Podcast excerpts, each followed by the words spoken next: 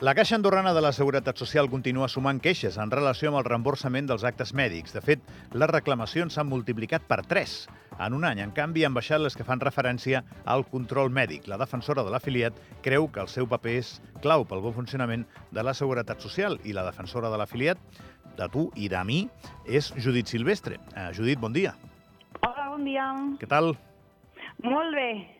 Molt bé. Uh, molt bé, però igualment molt ocupada, eh, amb això. No, no només amb això, però amb això especialment. Que se't multipliquin les reclamacions per tres en un any és molt, eh? eh la veritat és que sí, és, ha sigut molta, molta més, més feina, diguéssim, però jo crec que és per diversos motius. I és que una de les coses que estic intentant fer des de que vaig, vaig ser designada com a defensora de l'afiliat és donar a conèixer aquesta figura. Ja. Yeah. I el fet de que també s'hagin multiplicat les reclamacions, s'han multiplicat les reclamacions, les demandes d'informació, en general els expedients.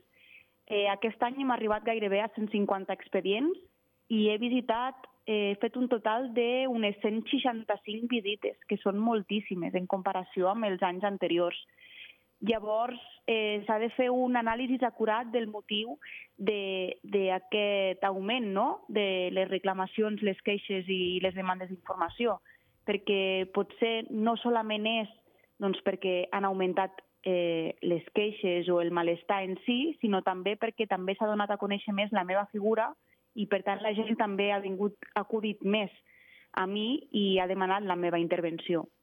Fas molt bé de dir-ho. Al final, tots una eina i si no sabien que existies, per tant, eh, ara que ja ho saben, et podrem comparar. O sigui, la xifra de l'any que ve sí que serà molt comparable. Exacte, exacte. La, aquest any és el, primer, és el primer cop que podré fer una comparativa amb l'any 2022, perquè el 2021 solament vaig estar sis mesos i, per tant, l'any passat no teníem com poder comparar els resultats. Aquest any sí, serà el primer cop que podem fer aquesta comparació i podem fer doncs, un anàlisi una miqueta més acurat.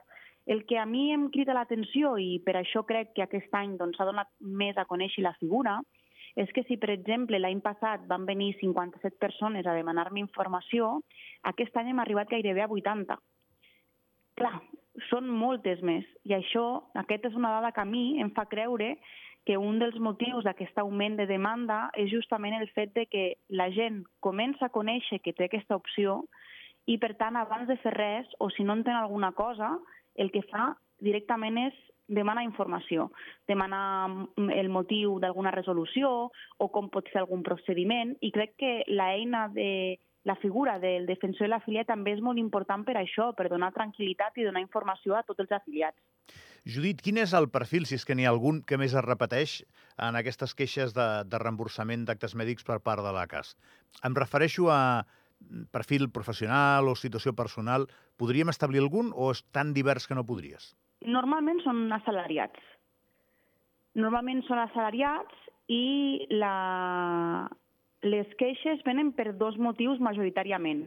El primer és que potser fa mm, bastants dies que van doncs, eh, pagar aquest acte, acte mèdic reemborsable i encara no han rebut el reemborsament. Llavors, el primer motiu que trobem és una queixa pel retras de, de, la, de, la, de la CAS per abonar aquest reemborsament i el segon motiu acostuma a ser a actes que no són reemborsables i doncs, que l'afiliat no està d'acord en, en això. Podem parlar, per exemple, de que no s'ha seguit eh, la via preferent per anar a un metge o que directament és un medicament que no és reemborsable per la CAS. Hi ha diverse, diversos motius i situacions per les quals un, un acte mèdic pot ser no reemborsable. Clar, és que tu veus tot, no? Tu, tu veus una persona que té menys eh, dret, eh, menys drets dels que s'imagina, per exemple, drets igual no, no és la paraula correcta, no? Eh, serveis a disposició per part de la cobertura social del país i d'altres que es pensen que en tenen eh, més dels que els hi corresponen, no? I tu has de col·locar tot a lloc, també. Totalment, totalment. I, i al final, a, a vegades crec que em faig una mica pesada, eh? però al final el fil conductor és el mateix.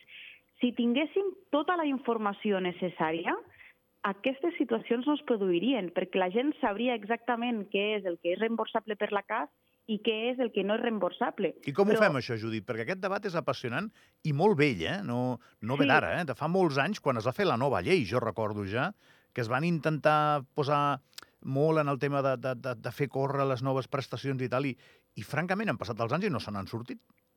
Que el problema, jo crec que hi ha diversos problemes. El primer, estem parlant sempre de conceptes molt tècnics, molt tècnics.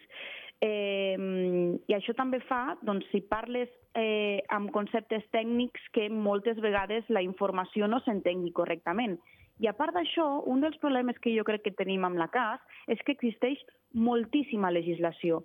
No ho tenim tot regulat en una mateixa llei i en un mateix reglament, sinó que tenim eh, un, la llei, diguéssim, general, la llei de la Seguretat Social, i després tenim reglaments que desenvolupen cada cas en concret. Llavors, si ets un afiliat que no està acostumat a moure's en el món de les lleis, que no està acostumat a moure's pel BOPA, doncs se't fa molt complicat trobar aquella normativa que resol o regula el dubte que tens. Bueno, per això t'han posat. Exacte, per això m'han posat.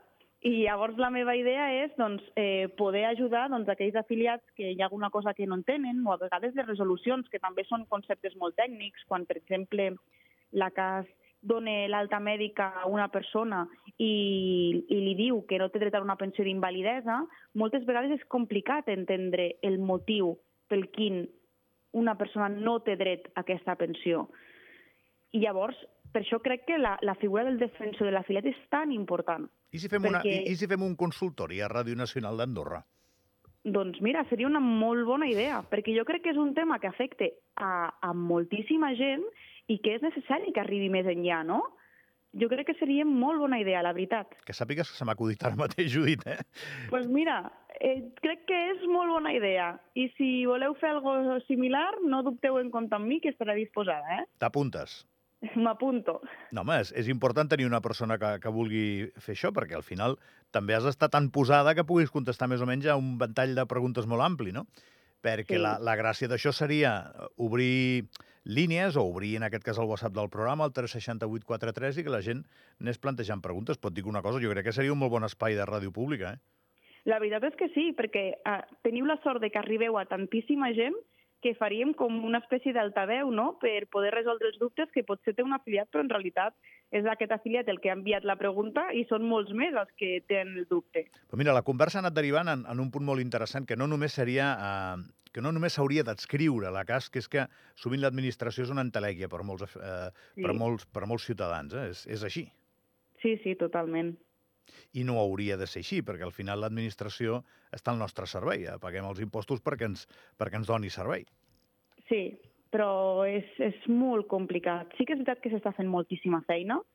Eh, en aquests anys ja he vist no, que hi ha mm, departaments de la CAS que han millorat molt el tema de la informació, però sempre hi ha més a fer. O sigui, eh, sí que és veritat que hi ha un punt positiu i que a poc a poc les coses van fent millor, però això no significa que sigui suficient. Molt bé. Judit Silvestre és la defensora dels afiliats a la CAS. Gràcies pel teu temps, Judit. I... A vosaltres. Ens apuntem la idea, eh? Sí, sí, totalment. Que vagi molt bé, bon dia, eh? Adéu, bon dia. Petita pausa i de seguida les pistes.